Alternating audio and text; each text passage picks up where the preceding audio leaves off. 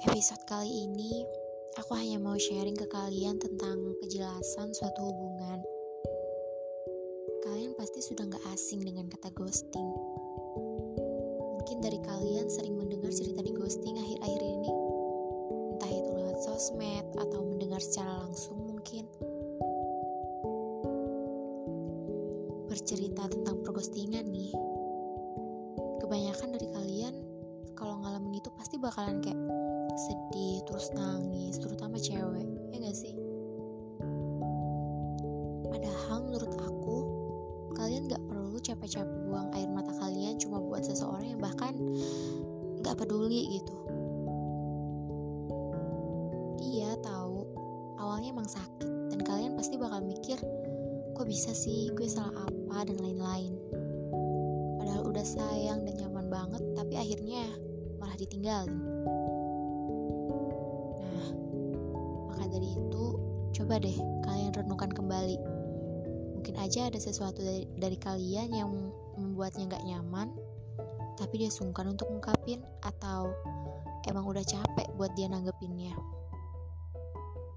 Karena menurut aku, perghostingan itu gak selalu yang mengghosting yang salah, tapi yang dighosting juga gak selalu benar.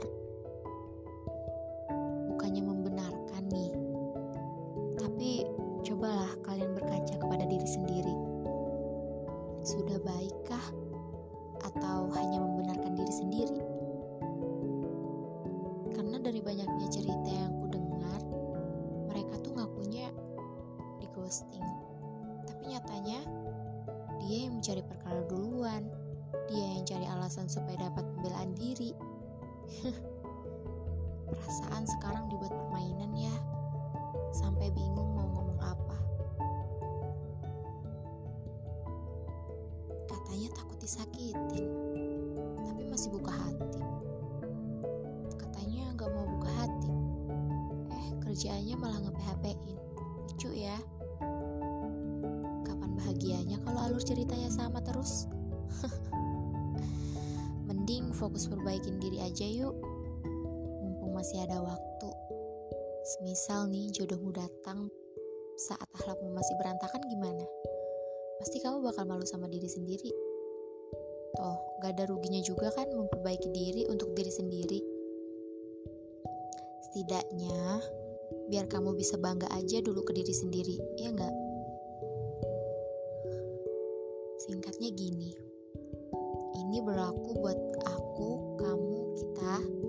Kita tuh harus bijak gitu, jangan mau dibodohin atas nama sayang doang. Sudahi hubungan toksik yang sedang dijalanin sekarang. Karena selain merugikan di diri kita itu juga bakal berdampak pada kehidupan ke depannya gitu. Kalian gak mau kan terlihat bodoh di mata orang-orang hanya karena seseorang?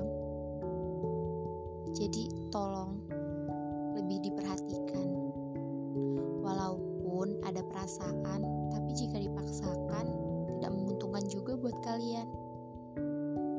Jadi, jangan terlalu dikejar. Jika memang jalannya ya, pasti Tuhan memperlancar. Karena yang menjadi takdirmu akan mencari jalannya untuk menemukanmu. Mungkin sampai sini saja podcast kali ini. Semoga kalian bisa lebih bijak lagi dalam menempatkan perasaan kalian setelah mendengarkan podcast ini. Terima kasih untuk yang sudah mendengarkan.